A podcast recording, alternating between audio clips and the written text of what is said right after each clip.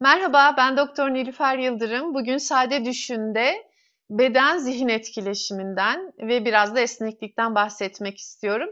Esneklik benim çok önemsediğim bir kavram. Çünkü beden esnekliği gibi zihinsel esneklikte ve hatta duygusal esneklikte hayat kurtaran bir şey.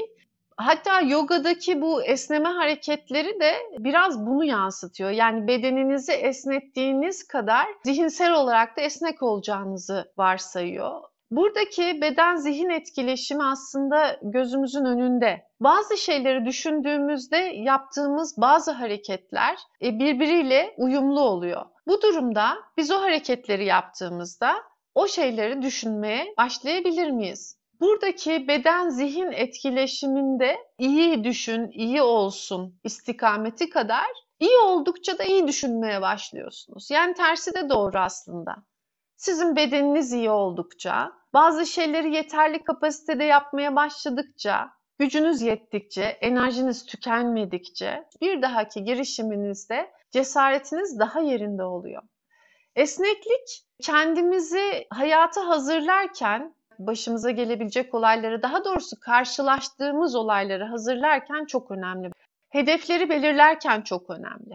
Beklentilerimizi belirlerken çok önemli. Dışarıdan baktığınızda böyle polyanlacı gibi görünse de esneklik çok akılcı, bilimsel temeli olan bir şey. Bilimdeki her gerçekliğin bir hata payı vardır. Bunun için de mutlaka sonuçları değerlendirirken o hata payı bildirilir. Ya da biz bütün hastalıkların tanısında esneme payını her zaman açık bırakırız. Şartlar değiştiğinde sonuçlar da değişebilir. Olaylara bakış açınızda beklentilerinizi ve planlarınızı esnettikçe, onlara ulaşma ihtimaliniz arttıkça, gerçekleştirdiğiniz amaç sayısı arttıkça kendinize olan inancınız da yükselecek. O zaman yeni hedefler, yeni amaçlar belirlemek konusunda çok daha cesur olacaksınız. Esnek olmak hayatta kalmanın bence birinci koşulu. Beni dinlediğiniz için teşekkür ederim. Sade düşünün, sağlıcakla kalın.